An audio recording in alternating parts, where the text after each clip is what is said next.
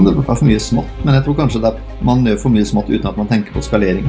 For er, altså, Helse er jo også et av de områdene hvor, eh, hvor man bruker smartuttankegangen. For et par år siden jeg leste at man hadde kjørt 450 piloter på avstandsoppfølging, og alle viste at det fungerte. Så da, da trenger du på en måte ikke en ny pilot. da.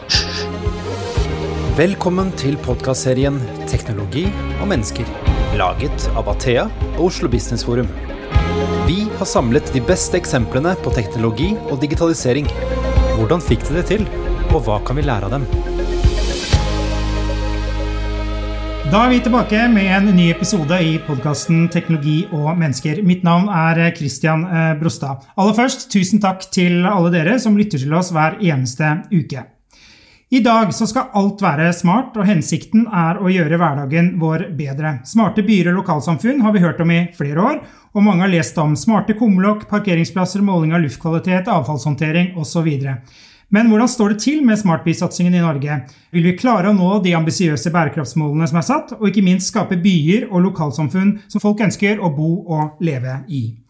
Vi har med oss veldig flinke gjester i dag. Dette har jeg virkelig gledet meg til. Vi har eh, Øyvind Tanum, som er smartbysjef i Trondheim eh, kommune. Og så har vi Sølve Fauskevåg, som leder Smarte samfunn i Innovasjon Norge. Velkommen til dere. Takk, takk. Takk. Hvordan er livet på hjemmekontor? Vi sitter jo nå på hver vår kant av landet, holdt jeg på å si. Nei, det er ganske bra. Det, det funker jo. Man blir jo vant til det. Ja. Ja, jeg var akkurat på en eh, faktisk en ganske bra sånn eh, city to city exchange med noen byer i Norge og noen byer i UK. Og han ene han avslutta sin innledning da med Thank you, I need a holiday and a haircut. Ja, det er sånn det blir. Nå stenges jo mer og mer ned også, så eh, vi, får, vi blir nok digitale i en tid framover også. Eh, Øyvind, jeg tenkte jeg skulle starte med deg, fordi eh, når du googler smarte byer og sånn, så er det jo masse definisjoner og ja, Det er litt sånn begrepsforvirring, da. Så hva, hva legger du i begrepet smarte byer? Nei, det er jo som du sier, det er jo veldig mange som prøver å finne ut hva det egentlig er. Og så har det jo noen fellestrekk. Så vi har egentlig brukt mer tid på å fokusere på de fellestrekka enn å finne ut akkurat hva den eksakte definisjonen er. Men eh, det jo, tar jo utgangspunkt i innbyggerne, i menneskene.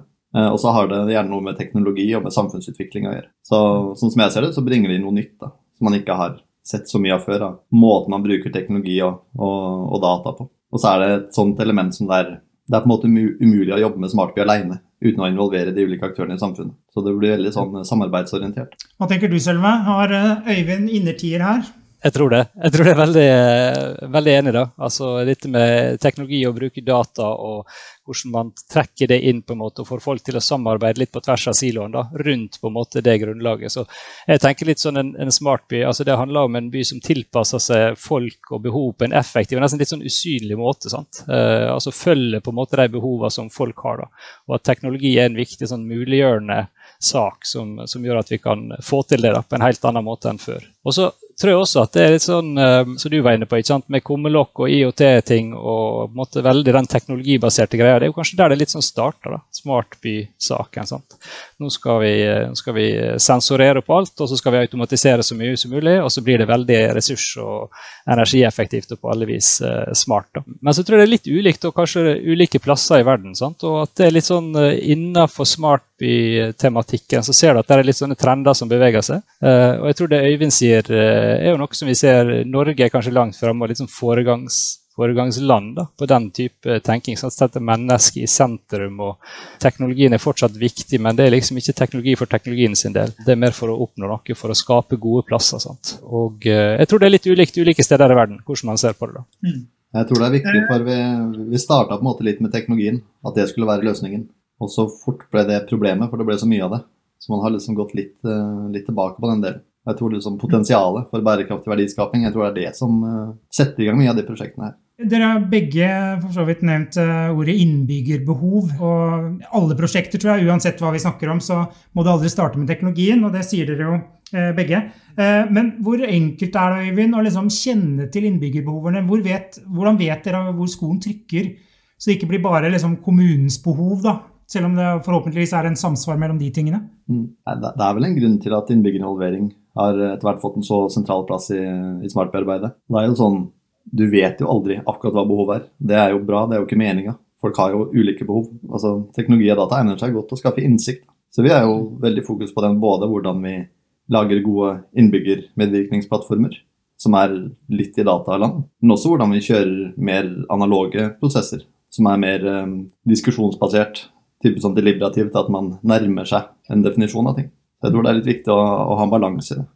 Men, men, opplever du at liksom, kan du bruke data og på en måte synliggjøre det som ligger av data og sånt, eh, for å skape mer innbyggerinvolvering? Altså Er det interesse for å se på byen gjennom det filteret òg? Altså Alle går jo rundt i byen og opplever den sånn som de gjør, og så prater de med hverandre. og sånn. Men jeg tror eh, gjennom smartby-tankene så får du på en måte løfta fram en del, eh, en del eh, datasett og andre sider ved byen da, som man ikke nødvendigvis ser. Og Det tror jeg det er en interesse da, for. Og jeg vet ikke om du opplever, Går det an å trekke det inn i innbyggerinvolveringa på et vis? Ja, Vår erfaring er jo det. Altså, de gode diskusjonene får man jo når man har klarer å enes om noe form for fakta. Så I dataverden så snakker man jo ofte om store data og tykke data. Hvor eh, store data er på en måte alt det man samler inn fra sensorer og uh, ulike IOT-løsninger. Og så er de tykke dataene handler mer om narrativet og hvordan man tillegger det mening. For uh, de store datamengdene har jo i utgangspunktet ikke så kanskje så mye mening i seg. Det er mer uh, prøver å fremvise noen fakta. Og data er vel kanskje nøkkelen til mye av det som eh, skjer også. Eh, erfaringen fra, fra, den virksomheten jeg kommer fra, da, så er det jo ganske mange som ikke har kontroll på dataene sine. De får ikke strukturert de får ikke anvendt de da, til å bygge gode løsninger eller ta gode beslutninger. Hvordan har tankegangen hos dere vært, Øyvind, på, på det? Hvordan jobber dere liksom, konkret med data? Vi har eh, det er litt sånn behovsdrevet. Det er jo litt sånn, Du kan jo starte med å prøve å samle alle dataene og strukturere det. og så Da kommer du aldri helt, eh, helt i mål med hva de skal brukes til, eh, eller å nyttiggjøre det. Eller så kan du starte med å bare ta det som er nyttig ad hoc, men da får du aldri noe moment på, på arbeidet. Men vi har liksom sett litt på hvilke retninger er det vi ønsker å bevege oss, hvilke retninger er det politikerne har beslutta at vi som kommune skal bevege oss og hvilke data har vi som på en måte kan understøtte og hjelpe oss i den retningen. Og Så må jo det gjøres på en ordentlig måte. Så da, Det blir en sånn, eh, en kobling da, mellom det vi har og det vi skulle ønske vi hadde. For halvannet år siden så uh, tror jeg det ble lansert faktisk under Arendalsuken, dette berømte nasjonale veikartet for smarte, bærekraftige byer og lokalsamfunn. Hvor det er bl.a. åtte prinsipper. Jeg vet ikke om lytterne våre kjenner til de åtte prinsippene. Eh, gjør du det, Sølve? sånn over, overordna. Tok deg litt på senga der. Eh, men det er i hvert fall disse åtte prinsippene. Da, for jeg tenker at kommunene må samarbeide jo. Eh, og Det er sikkert en del kompetansedeling på tvers som vi kommer tilbake til. Men hva er det som ligger i disse prinsippene for de av lytterne våre som ikke vet? Ja, jeg synes Det er kjempebra du tar opp veikartet, for det, det, er jo ikke en sånn veldig stor blekke. Sant? Dette her er ikke en sånn 100-siders rapport, men det er en ganske lettfattelig greie som man kan google seg frem til å finne og, og lese. Da. Og Det er en utrolig bra, synes jeg. Liksom, den tar stemninga på Smart City-tankegangen i Norge veldig bra. Sant? Og jeg synes også at den bidrar til å For den, det er litt så Øyvind var inne på innledningsvis. Det setter setter mennesket i sentrum. Det handler om innovasjon, det handler på en måte om samskaping på tvers av ulike aktører. Sant? Og Det er jo nettopp her kjernen til å finne de nye, gode løsningene ligger. Vi finner ikke dem på en måte innenfor byggsektoren isolert sett, eller innenfor transportsektoren eller i offentlig administrasjon. Men vi finner dem når vi på en måte trekker inn data, kikker på det fra mange. Sant? Vi kobler sammen de forskjellige folka som eh, på en eller annen måte er berørt i den verdikjeden eller det økosystemet dette handler om. Sant? Og da, da, er det dynamitt. Og det tror jeg det veikartet er kjempebra til å, til å vise. da.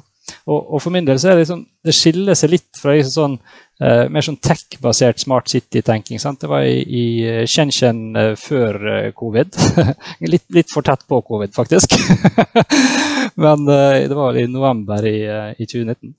Og Der også er det liksom mye fokus på bruk av data, men, men, det er litt annen inngang til det. Altså der, det en del av det handler om å ha veldig sånn god kontroll på det som skjer i byen. Catch the thief. sant? bruke kunstig intelligens til løgndeteksjon i forbindelse med lån i bank eller forsikringssak og sånne ting. Sant? Så det blir en veldig sånn annen inngangsvinkel. Da. Men det er også Smart City, men i en annen del av verden. Så jeg syns det veikartet er kjempebra for å forstå hvordan man tenker rundt det i Norge. Da. Og kanskje Norden og litt sånn europeisk. Jeg er helt enig, og jeg tror det er jo mange smarte byer som ikke er byer man vil leve i. Og jeg tror liksom, I Norge så har vi innrettet oss litt sånn at smartby blir mye et verktøy. da. Det er på en måte ikke Målet er ikke å bli en smartby. Målet er å bli en bærekraftig by. En god by å bo, bo i og jobbe i og reise til. Men man kan bruke smartby-tankegangen for å komme dit.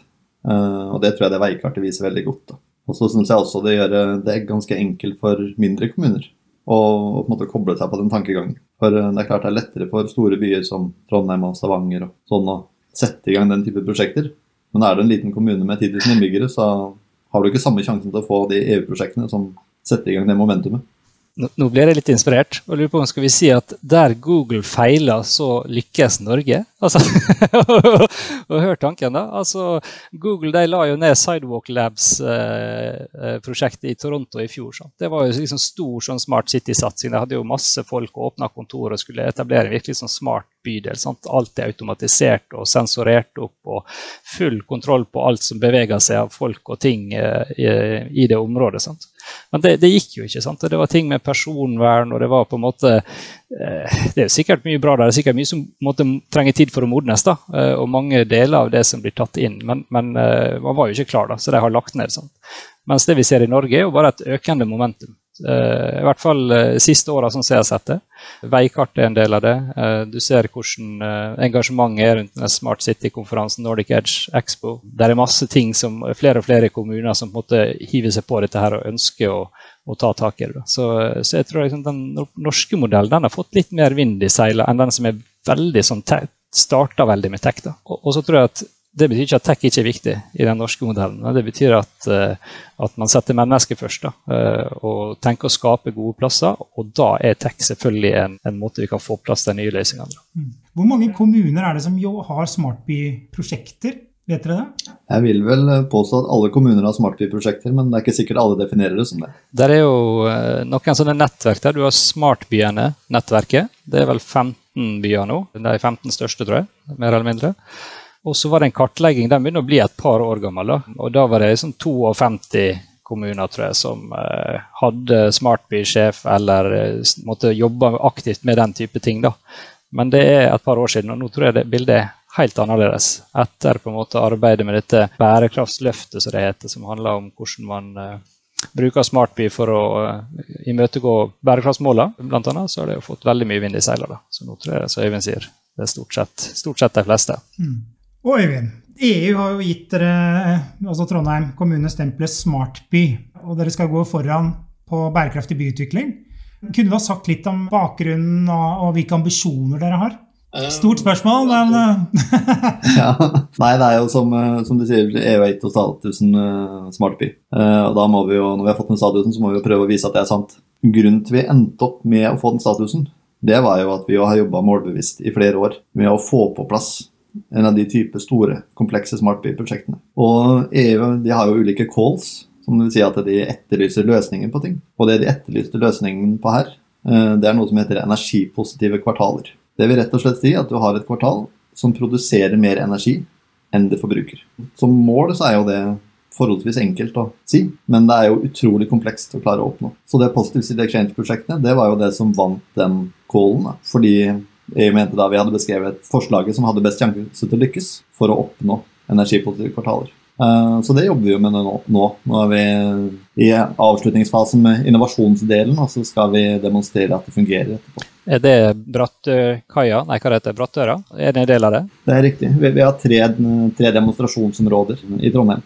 Og Brattøykaia er et av de, og så har vi også Sluppen og Campus. Og så er jo det det, kanskje, det illustrerer mye av det som er med de Smartby-tankegangen. At for å lage et energipositivt kvartal, så har vi to uh, fyrtårnbyer som skal demonstrere løsningene. Så har vi fem byer i Europa som følger med for å lære av det. Og så har vi totalt 32 partnere og over 300 millioner i budsjett. Så det blir jo et veldig momentum av de prosjektene her. Uh, og nå har jo Trondheim det fyrtårnsprosjektet, og Stavanger er nettopp ferdig med, med sitt av det tilsvarende prosjekt. Så, så, det setter i gang mye næringsvirksomhet og innbyggerinvolvering og generelt spin-offs. Det er veldig mye verdiskaping som har kommet ut av det prosjektet, som egentlig ikke er inne i selve prosjektbeskrivelsen. Det er jo litt der uh, Sølve kommer inn, og hans inngang også. Jeg vet ikke helt hva som er innenfor og utenfor det prosjektet, men jeg vet jo litt av det som skjer der oppe. Eh, og er, du har jo sånn powerhouse, der du har et eh, energipositivt bygg som kan bidra til å forsyne nabolaget med. Og så tenker man vel å integrere litt sånn elbilpark, så du kan balansere strømnettet med bilbatterier og sånne ting. Og jeg tror dette er liksom en type løsninger som er En ting at det er sikkert ikke kommersielt egentlig enda sant, eh, løftbart, men når hele verden skal gå mot nullutslipp, eller i hvert fall eh, bli karbonnøytral, så er liksom elektrifiseringa superviktig oppi det. sant? Skal byene bli karbonnøytrale, få ned lokal forurensning og globale utslipp, så må de gå den retninga. Og dette her er et sånt kroneksempel på hvordan man kan gjøre det. Og også nettopp det med at man må jobbe på tvers. Sant? Det er ikke kun byggherren, det er ikke kun bil, eh, eller de som jobber med billøsninger. Sant? Det er hele det fellesskapet, og samtidig få til en god plass å bo. Og jeg tror at sånne typer løsninger du ser i, i California, de sliter med blackouts og sånt, og er livredd for å begynne å gå mer over på elektrisitet sant? og havvind og sånt, det er livsfarlig. Uh, og hundretusenvis av uh, dollars i månedlig strømregning i Texas har vi sett rapporter om. Sant? og, og da blir jo barrieren så høy. Og da kunne ha sånne eksempel som viser vet du hva, vi har fått det til. Sant? Det går an å gjøre det. Det er ikke umulig. Det, det tror jeg har en stor verdi, og det skaper eh, også på en måte, eller får folk til å kikke til Norge også. da. Eh, og man blir litt sånn utstillingsvindu og, og foregangsland. Så det, det syns jeg, jeg synes det er fantastisk å få til der oppe. Så det er helt rått. Men, eh, men, Øyvind, hvordan er det? Eh, for dere har ikke på en måte kommet i gang med dere. Eh, er det fremdeles på tegnebrettet, eller er det Nei, nei, vi er i, i aller høyeste gang starta. Så vi er ferdig med de fleste konseptene og har begynt å demonstrere uh, ulike løsninger. Og spesielt er det som Sølve nevner, nede på Brattørkaia. Uh, der er man kommet veldig langt. Der hadde man jo et kjempestort og kjempe, sånn sett, uh, utrolig bra bygg ingeniørmessig. Som faktisk, det bygget seg sjøl produserer masse overskuddsenergi. Problemet man fort oppdaga der, var at uh, kjempekult at vi har masse overskuddsenergi, men vi har jo faktisk ikke lov til å gjøre noe med det. Så da må man jo liksom gjennom de prosjektene også åpne opp de regulatoriske eh, barrierene. Og sørge for at det her har en større samfunnseffekt. Da. Og jeg tror det er der mye av de prosjektene er viktige. At man klarer å gå fra enkeltvis kule løsninger til litt mer sånn systeminnovasjon og, og, og samfunnsutvikling. Men er, er, dette en litt sånn norsk smart Bartleby-mentalitet. At man, man, har kommet dit at man har faktisk stått på et bygg som produserer mer enn man trenger, og så fant man ut at oi, det, vi, vi, har faktisk ikke helt regelverket på plass rundt det, eller alle rammene ligger ikke rundt. Da. Litt sånn i kontrast til uh, et møte jeg var med noen engelske byer. Som En som jobber på tvers av Norge og England, altså en av forskjellene. Sant? Det at I England så bruker du ett år på å fasilitere en innovasjonsprosess, og så bruker du ett år på å få dette i jorda, og så bruker du ett år på å evaluere det. Sant? Så har det gått tre år før vi egentlig vet om det er noe. Mens i Norge så hopper man ut, og så lager man fallskjermen på vei ned. Altså, det er litt sånn og, og, og, det kan være, det kan jo ha sine fordeler, men uh, det kan jo være utfordringer under året. Men vi har jo også et ganske godt måte, grunnlag for innovasjon. Da. Vi har, på en måte, vi har høy grad av tillit. Vi har uh, ganske god orden på ganske mye. Og Det er nok sånne ting som gjør at vi lettere kan på en måte, hoppe ut uten at fallskjermen er helt ferdig. Eh, fordi vi vet at det, det, går stort sett bra, eller det går i hvert fall ikke katastrofalt dårlig. Så jeg tror, er, eh, jeg tror, Norge har en styrke der. Og det er vel også noe av det man prøver å kommunisere gjennom For nå jobber man jo med et nordisk veikart på Smartby, som en forlengelse av det norske. Eh, det er vel på en måte de, de, verdiene og den måten å tilnærme seg på som man uh, prøver å teste om også kan funke i andre land. Jeg, jeg leste, du var for så vidt innom uh, dette, at når du produserer overskuddsenergi, så er jo tanken at det skal være en eller annen plattform for at uh, enkeltpersoner skal kjøpe strømmen, men det går ikke pga. at loven ikke henger med. Hva, hva, gjør man med det? Liksom sånn, er det sånn at dere har satt i gang prosesser, politiske prosesser for å få endret det, eller blir by, en bydel et kraftverk, nesten? da? Hvordan, hvordan, skal man løse opp, eller hvordan løser man opp i sånne? For det, det er jo liksom som Sølve sier, at du møter jo på eh, veggen fordi at lovverket ikke henger med. da.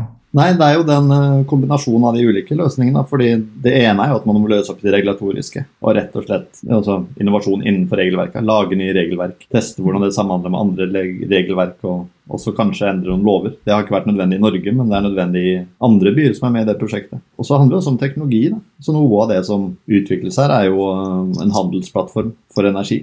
For å få til de energipositive kvartalene, så må man på en måte spre strømbruken utover i døgnet ved hjelp av batterier og, og, sånne ting. Og da må man jo måte å utveksle de transaksjonene på. Altså, vi begynte å se på å bruke blokkjede, men det er jo håpløst. For blokkjede bruker jo så mye energi at vi har jo tapt før vi har starta med det energipositive kvartalet. så vi har noe som, eh, som, ligner, da. Så jeg tror liksom bare for å løse den med å kunne kjøpe og selge energi, så må vi utvikle nye forretningsmodeller. Vi må endre regelverket. vi må utvikle ny, utvikle ny teknologi som lar det her lar seg kan gjøre det her. Eh, og det er på en måte alle de ulike dimensjonene. Så, så man, er det lettere når man begrenser geografisk. Da. For det, det, blir fort veldig mange aktører, og det blir fort veldig komplekst her. Eh, samarbeid er også nøkkelen, eh, Øyvind. Eh, I dette konkrete prosjektet, liksom, hvordan har dere gått eh, fram der? Hvem er det dere samarbeider med, og hvem er det viktig å få med på laget? da? Nei, altså, I den type prosjekter så handler det litt om å, Noe av prosjektutviklinga går jo også på å bygge det konsortiumet. Så tiltrekke seg de aktørene som kan hjelpe med å løse det problemet her. Og det er jo NTNU, eh, universitetet, som koordinerer hele prosjektet. Så Der har man jo starta med først var det hvilke byer som er aktuelle å demonstrere det her i, og som har på en måte en administrasjon som kan være med å utvikle og drive prosjektet. Og så er det jo de næringsaktørene som det er jo egentlig et krav fra, e eller det er et krav fra EU at eh, vi skal ikke ta inn næringsaktører som allerede har svaret. For det skal bidra til den næringsutviklinga som vi trenger. Så da er det jo de næringsaktørene som kanskje er i nærheten av svaret, da. Eller som har gode initiativ på gang som vi kan videreutvikle og sette sammen med de andre. Og så er det der, eh, de nettverka og det altså Det er jo kjempemange som gjør kjempemye bra rundt omkring. Det er jo egentlig ikke det som er problemet. Det er kanskje mer hvordan vi nyttiggjør det og skaper vei for at den innovasjonen kan skje. Så, men det er en ganske lang prosess å bygge et sånt prosjekt, så vi, vi feila jo to ganger før vi fikk det til. Mm. Det er jo, jeg synes det er interessant det du sier, da, for dette er jo ganske sånn høythengende frukt dere har lykkes med å få ned. sant? Finansiering på europeisk nivå, et europeisk konsortium sant? med flere byer i flere land. Uh, som er involvert i sammen. Det er jo ikke en liten prosess å rigge til noe sånt. Sant? Men klart det blir veldig kraftfullt da når du ser at du kan lykkes på forskjellige plasser. Og så ser du at det, er, det er ikke bare en one-off heller. Sant? Uh, er dette liksom en kompetanse du kan ta med dere videre? Altså, EU har jo dette store forsknings- og innovasjonsprogrammet Horizon Europe. Jeg tror det er sånn 1 trilliard euro. I hvert fall helt, jeg tror det er, det er verdens største innovasjons- og forskningsprogram. Det er enormt svært. sant? 1000 milliarder euro, tror jeg. 1 trilliard euro. Og um, er dette på en måte noe dere kan bygge videre på? Så går det an å bruke den kunnskapen og den nettverket og kompetansen dere har uh, opparbeidet dere gjennom dette programmet, til å uh, gå inn i det nye, der de snakker om klimanøytrale og smarte byer. Det er jo et av uh, målsetningene de ønsker å oppnå. Da. Ja, det er et veldig bra spørsmål. Jeg, jeg, tror jo det er en kompetanse. Da.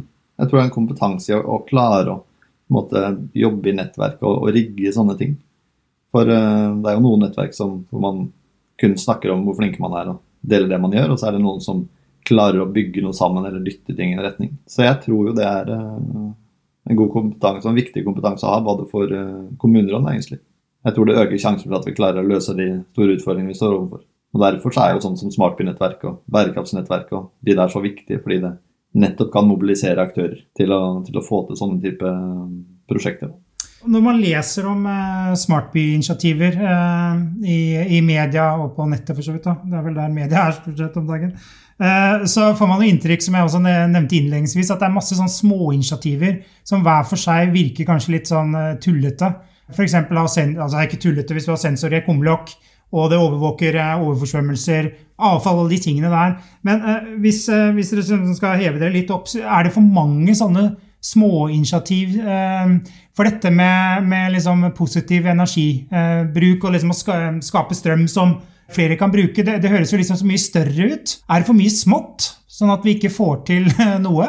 Jeg tror jo det er litt eh, Jeg vet ikke om det er for mye smått, men jeg tror kanskje er, man gjør for mye smått uten at man tenker på skaleringa. For det er, altså, Smartby er også, Helse er jo også et av de områdene hvor, eh, hvor man bruker smartby-tankegangen. For et par år siden jeg leste at man hadde kjørt 450 piloter på avstandsoppfølging. Og alle visste at det fungerte. Så da, da trenger du på en måte ikke en ny pilot. da. Men det, det er jo der også Sølve og Innovasjon Norge, virkemiddelapparatet, har en viktig jobb. For å sørge for at man stimulerer riktig type initiativer. For det har jo en periode vært lettere å få penger og ressurser til, til eh, de småpilotene enn eh, kanskje de mellomtinga som er litt mer sånn scale up-kategorien. Ja, jeg kan si litt om det. Jeg tror det er litt enig med Kristian at det er jo mye smått. da, Mange små initiativ. og Det kan jo på en måte være bra. Sant? Du trenger en sånn stor bredde av eh, mange som prøver mye ulike ting sant? for å finne de løsningene som man, man ønsker. Da. Men samtidig så er det jo litt derfor vi er så positive til disse nettverkene som Smartbyene og sånt. fordi Istedenfor at alle sitter på si tur og gjør en ny ting, da, så kan de i hvert fall dele. da, Sånn at vi slipper å gjøre det flere plasser, noe som er ganske likt hverandre. Sant? At man kan dele erfaringer, og så går man videre og bygger videre på det. da. Uh, og så kan jeg nevne Vi lanserte jo Grønn plattform, som er en sånn finansieringsmekanisme. Det tar på en måte hensyn til det her. da. Den ble jo lansert i, i fjor, og uh, nå er det vel tildelt første runde med forprosjektmidler. da. Men der ser vi jo nettopp etter de litt større løfta. Vi tenker på den grønne omstillinga som man trenger. Og jeg tror jo at uh, byene sitter på løsninger, eller på mange løsninger her. Også industrien må selvfølgelig også være med på en, et grønt omstillingsløft, og der er mange næringer. da. Men der er, har vi vel sagt at prosjekter må ha en størrelsesorden på 50 millioner i tilskudd. Sant? Og Da er jo prosjektbudsjettet betydelig mye større, i flere hundre millionersklassen. Og det er store, brede konsortium som går på tvers på en måte av, av tradisjonelle næringer og sånt da, for å gjøre de litt store løftene. Så vi ser jo også at vi er på en måte moden for det nå. da. Det, det er bra med startups, men vi kan også make a difference. Så må du kanskje skalere litt opp. Dere har jo sagt, uh, Sølve, at uh, smarte byer skal bli en stor norsk eksportvare. Uh, jeg tror ikke det er dine ord, men du får skyte en kollega, holdt jeg på å si. Eller ikke det, da, men det er i hvert fall som kommer fra dere. da. Eh, hva er det som skal eksporteres? Hva, hva er det liksom kompetanse, eller hva, hva, er det dere skal ha ut? Det, var, ja, det er et godt spørsmål. Vi skal, vi skal, ikke, vi skal ikke, vi skal ikke selge Trondheim helt ennå. Selv om Det blir dyrt. Ja, bergensere. Ja. det blir dyrt, ja. Bergenserne hadde kanskje tent på ideen. Ikke det er litt sånn Norge ut av Bergen. Nei, fra spøk til alvor. Eh, når vi snakker om det, så tenker vi at eh, her er, da snakker vi om markedssida, altså etterspørselssida. Eh, og da er det byer verden over som ønsker å bli smarte, og, eh, og, nå så ser vi mer og mer smarte og bærekraftige, smarte, grønne, net zero, klimanøytrale og smarte byer. Sånn. De ønsker den type løsninger. Og så snur vi litt på hodet og så sier vi OK, hvis byene ønsker det, hva er det vi kan tilby? Sant? Hva er det? Og det er det som er eksport, eh, eksportvarene. da. Eh, så et par eh, litt sånne enkle eksempler. Hvis de skal eh, I Europa så er det høyt fokus på det med EU e har jo lansert sine New Green Deal og skal ha klimanøytrale byer. Sant? Hvordan skal du bli det? Jo, da må du se på utslipp, og da er det transportsektoren. En stor driver av utslipp, eller snudd på hodet. Nøkkelen til å få ned utslippene. Kjempeviktig. Den type løsninger. da. Bygg, anlegg, eiendomssektoren også kjempestor driver. Sant? Og du kan begynne å se på materialstrømmene som går gjennom eh, samfunnet og byen, og tenke at du skal flytte det fra en litt sånn lineær modell til mer sånn sirkulær. Men klart det forutsetter jo at du begynner å få kontroll på disse materialstrømmene. Sant? Hvor er de, og hvor går de, og hvor beveger de seg, og hvem er involvert? Og, og da er du tilbake til den biten med data. Sant? Da må du begynne å få de, få de innsiktene. Eh, kanskje må du ha mer eh, sensorer på ting, kanskje må du tracke det på en annen måte. Eh, og du må begynne å ha system som fanger opp hvordan disse tingene beveger seg inn i byene og gjennom byene, og på en måte kan gå mer og mer inn i eh, sirkulære løp. Da. Så det er den type ting. Det er på en måte løsningssida vi skal eksportere. da. Det er heldigvis ikke byene. Ikke byene. Virtuelt, da kanskje. Eh, Øyvind, dette er jo et EU-program, eller du har fått penger fra EU. Merker dere en liksom stor internasjonal oppmerksomhet knytta til, eh, til, dette energiprosjektet konkret? da? Ja, absolutt. Eh, det er jo er jo lite konferanser nå om dagen. Når vi tidligere har vært på smartbykonferanse i Barcelona, og sånne ting, så merker man jo at det å være fyrtårnsby i et EU-prosjekt, det tiltrekker seg veldig mye oppmerksomhet. Eh, både blant næringsliv som har løsninger som vi mener vi har et problem som passer til, eh, men også bare generelt metoden rundt det. Fordi det er veldig mye kraft i et sånt prosjekt, og det er sånn type kraft vi, vi trenger. Vi har jo faktisk også fått status som uh, Center of Excellence fra FN, som handler om bærekraftig omstilling av byer. Så veldig mye av det vi gjør nå, er knytta opp mot EU og FN. Og på en måte går, handler mye om den systeminnovasjonen. F.eks. når man eh, som Sølve sier, at man har teknologiske løsninger som kan bidra til å løse noe. Men det må jo også på en måte treffe, passe inn i den konteksten hvor du skal løse de utfordringene. Og vi har jo I Norge så har vi jo kjempemange bra selskaper som tilbyr kjempeløsninger. Men man får det liksom ikke helt til å matche med kommunene. Det kan være fordi kommunene er organisert fra en annen tid. Liksom. Når de systemene og strukturene vi har ble bygd opp, så så jo verden helt annerledes ut. Så jeg tror liksom den måten man får de tingene her til å passe sammen, det er veldig viktig. Og det er også det de store prosjektene handler om. Man kan ikke bare løse de enkeltvise problemene. Liksom. Eh, en annen ting her, liksom, eh, det er kanskje til deg, Sølve. Eh, litt sånn overordna, for det er sikkert Det er mange lytterne antagelig som er interessert i smarte byer. Eller så får vi ingen lyttere, men det, det, gjør vi nok. Vi har snakket om bryte ned siloer, samarbeide osv. Hvis du liksom skal ha nevnt noen to-tre liksom, viktige forutsetninger som må være på plass for at man skal kunne lykkes Man kan antageligvis ha ildsjeler som Øyvind, da, men bortsett fra det, hva trenger man? Ja, Det er et uh, kjempegodt spørsmål. da, og uh, jeg tror at uh, Vi er veldig heldige i Norge der vi er. sant? Fordi jeg tror akkurat Når det kommer til smarte byer, så er jo på en måte offentlig sektor også en, en viktig del av det. sant? de er en, en, stakeholder, de kan være en kunde på mange måter. Altså Offentlig sektor i Norge det er en sånn 500 milliarder i året sant, i innkjøpsmakt. Og Hvis du kan bruke det til å drive fram innovasjon også, det er jo så fantastisk. Eh, og nå, uh, Jeg kommer jo fra Ålesund, som noen kanskje hører, og her er vi glad i ferge. sant? vi, vi, bygger ferger. vi tar tar ferge på vei til, eh, til hytta og sånt. Og, og, der har du et godt eksempel sant, på hvordan man har gjort innovasjon. Man har jo gått i en tradisjonell bransje som er prega av sånn dieseldrift og fossile greier, så har eh, offentlig sektor stilt ekstremt høye krav. Eh, sagt at her skal vi ha ned utslippene dramatisk, og i praksis tvunget et teknologiskifte fram. Og så har du et næringsliv som står der og er utrolig bra sant? og innovativ og fremoverlent. Eh, og syns at dette er spennende utfordringer å jobbe med, fordi alle vil jo bidra i den retning. Sant? Det er ikke det det handler om. Og så har vi vært heldige fra virkemiddelsida å kunne si at ok, vi kan hjelpe å risikoavlaste litt gjennom våre finansieringsordninger med miljøteknologitilskudd og den type ting. Sant? Og da har man faktisk gjort en revolusjon på, på fergebiten. Man har, jeg eh, tror I år så vil det være 70 ferger eller nesten alle er utslippsfrie. Og det er jo helt unikt i verdenssammenheng. Sant? Og da har man, ehm, da har man på en måte samspilt da, mellom virkemiddel, mellom offentlig sektor, mellom regulerende myndigheter, mellom næringslivet og, og på en måte de eh, transportmyndighetene i fylker og sånt som, eh, som kjøper inn dette. her. Da. Så det er på en måte det brede samspillet rundt å få på plass mer bærekraftige løsninger eh, rundt omkring. Da. Så, så, det tror jeg er viktig å ha det, det, det samspillet der. Og jeg tror at vi er jo ikke så mange i Norge. Vi er et eh, for så vidt uh, håndgripelig antall folk og steder. og sånt, sånn at det, Man får snakka med dem man skal snakke med på en relativt grei måte. Og det er mulig å få til disse tingene ganske kjapt i forhold til en del andre steder. Så der er vi veldig heldige. Mm. Og Øyvind, eh, dette er jo en litt annen måte å tenke på kanskje enn det det har vært tidligere. da. Du sa jo her i stad at kommunene er kanskje satt opp på en litt sånn gammel måte, og ikke for den tiden vi er på vei inn i. Hvordan er det i Trondheim? liksom, hvor er det fullt av innovatører og stor ståhei og liksom Yes, dette skal vi gjøre. Eller hvordan, hvordan får man til det der drivet? For det, dette er jo mange virksomheter også i privat sektor som liksom tenker Herregud, hvordan skal vi få til dette? Hvordan skal vi tenke riktig?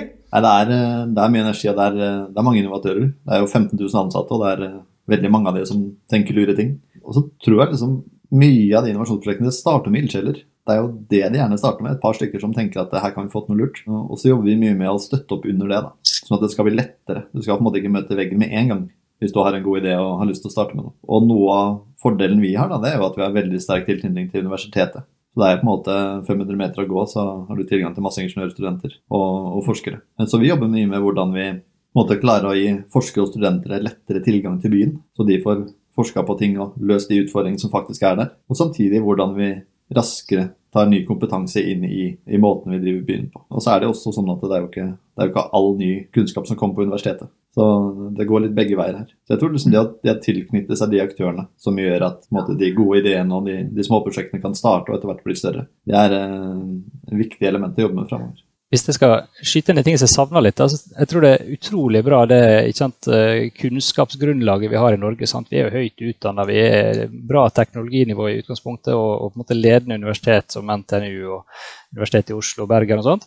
Og så har vi veldig godt utbygd tror jeg, altså finansieringssystemet. Altså her er det fra venturekapital til på en måte sånn som vi representerer med Innovasjon Norge og Forskningsrådet. og sånt. Du, får, du har tilgang på kapital også. Og her er folk som har god kompetanse. Men det som jeg av og til savner, det er liksom den skaleringsmentaliteten. da. At vi på en måte tidlig nok i prosessen tenker ok, vi skal løse det problemet her på det stedet her. Men vi, hvis vi løser, så er det sikkert andre som er interessert i samme løsninger. Kan vi på en måte ganske tidlig ha en forretningsmodell, eller begynne å tenke på en forretningsmodell som hjelper oss å skalere dette ut? da? Og Det er jo noe vi har behov for i Norge også. for vi, vi, Økonomiene rundt oss de avkarboniseres, vi trenger mer eksport. Uh, så det vil jeg slå et lite slag for. da. Og Der har jo vi i Innovasjon Norge vi har jo Hilde Hukkelberg i, i London som har bygd opp uh, Tech City-akseleratoren. Det er utrolig bra eh, ressurser på, på, skalering. Og vi har i San Francisco knytta til Silicon Valley og sånt. Så vi, det finnes noen verktøy, da, men jeg, jeg, tror ikke at uh, det er nødvendigvis er høyt nok på radaren på disse her som uh,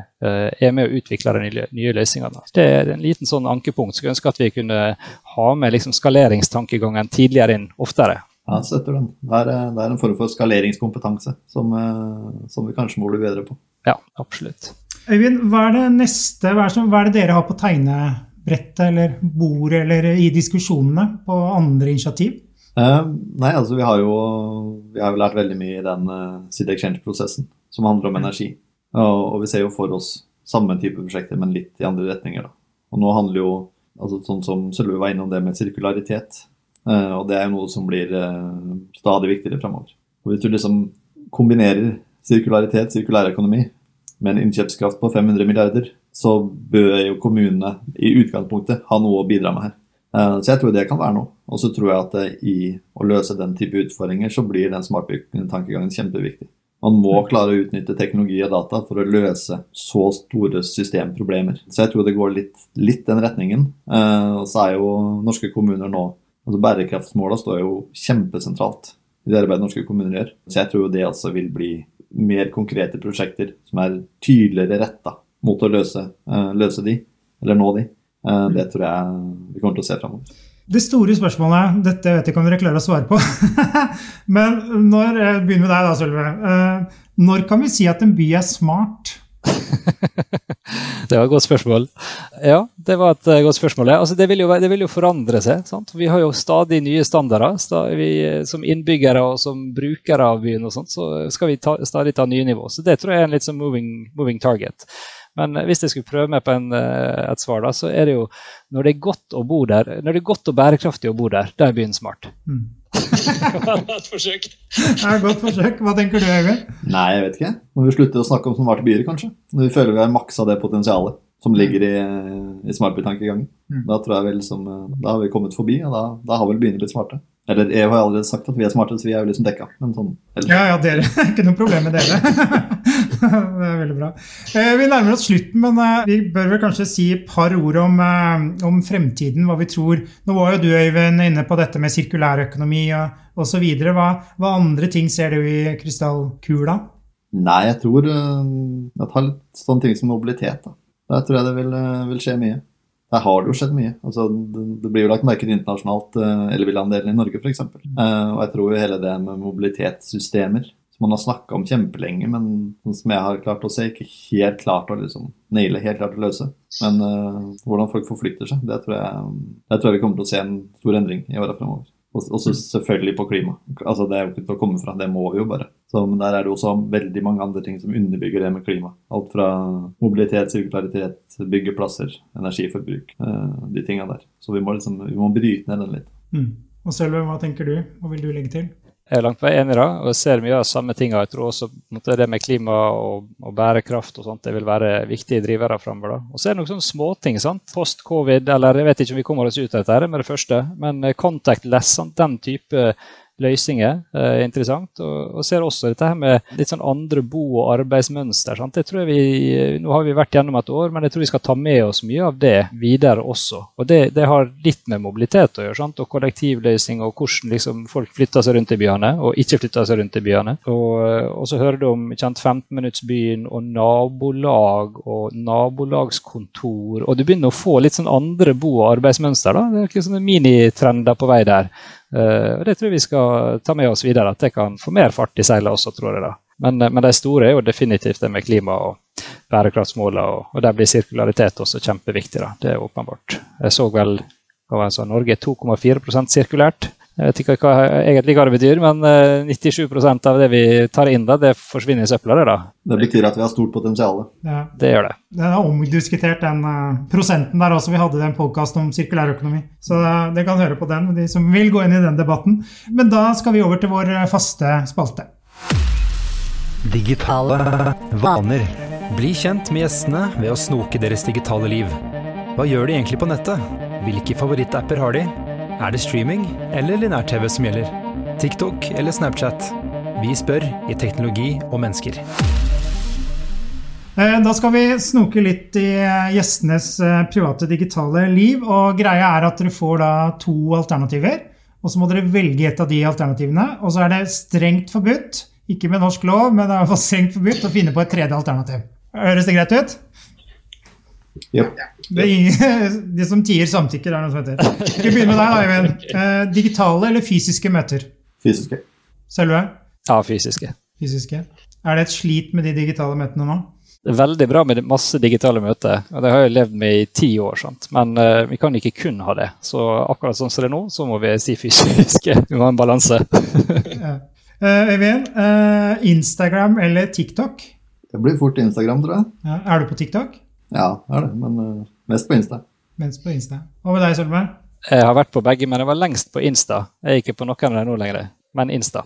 Er, er dere på Clubhouse, forresten? Det er det hotteste om dagen.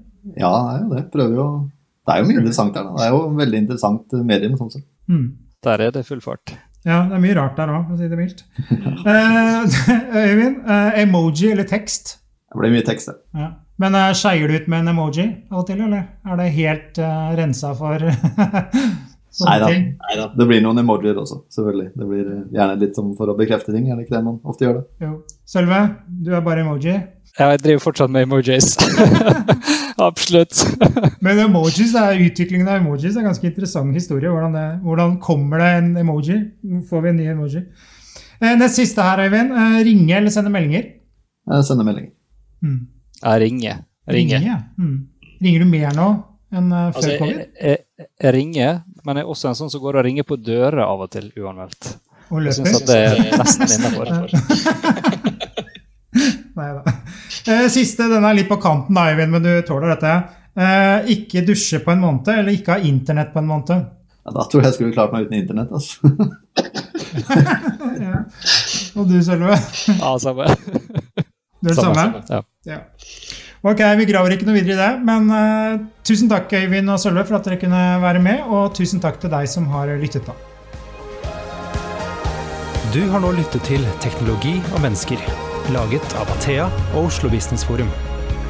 Liker du podkasten, setter vi stor pris på om du gir oss noen stjerner. Og tips gjerne en venn om podkasten.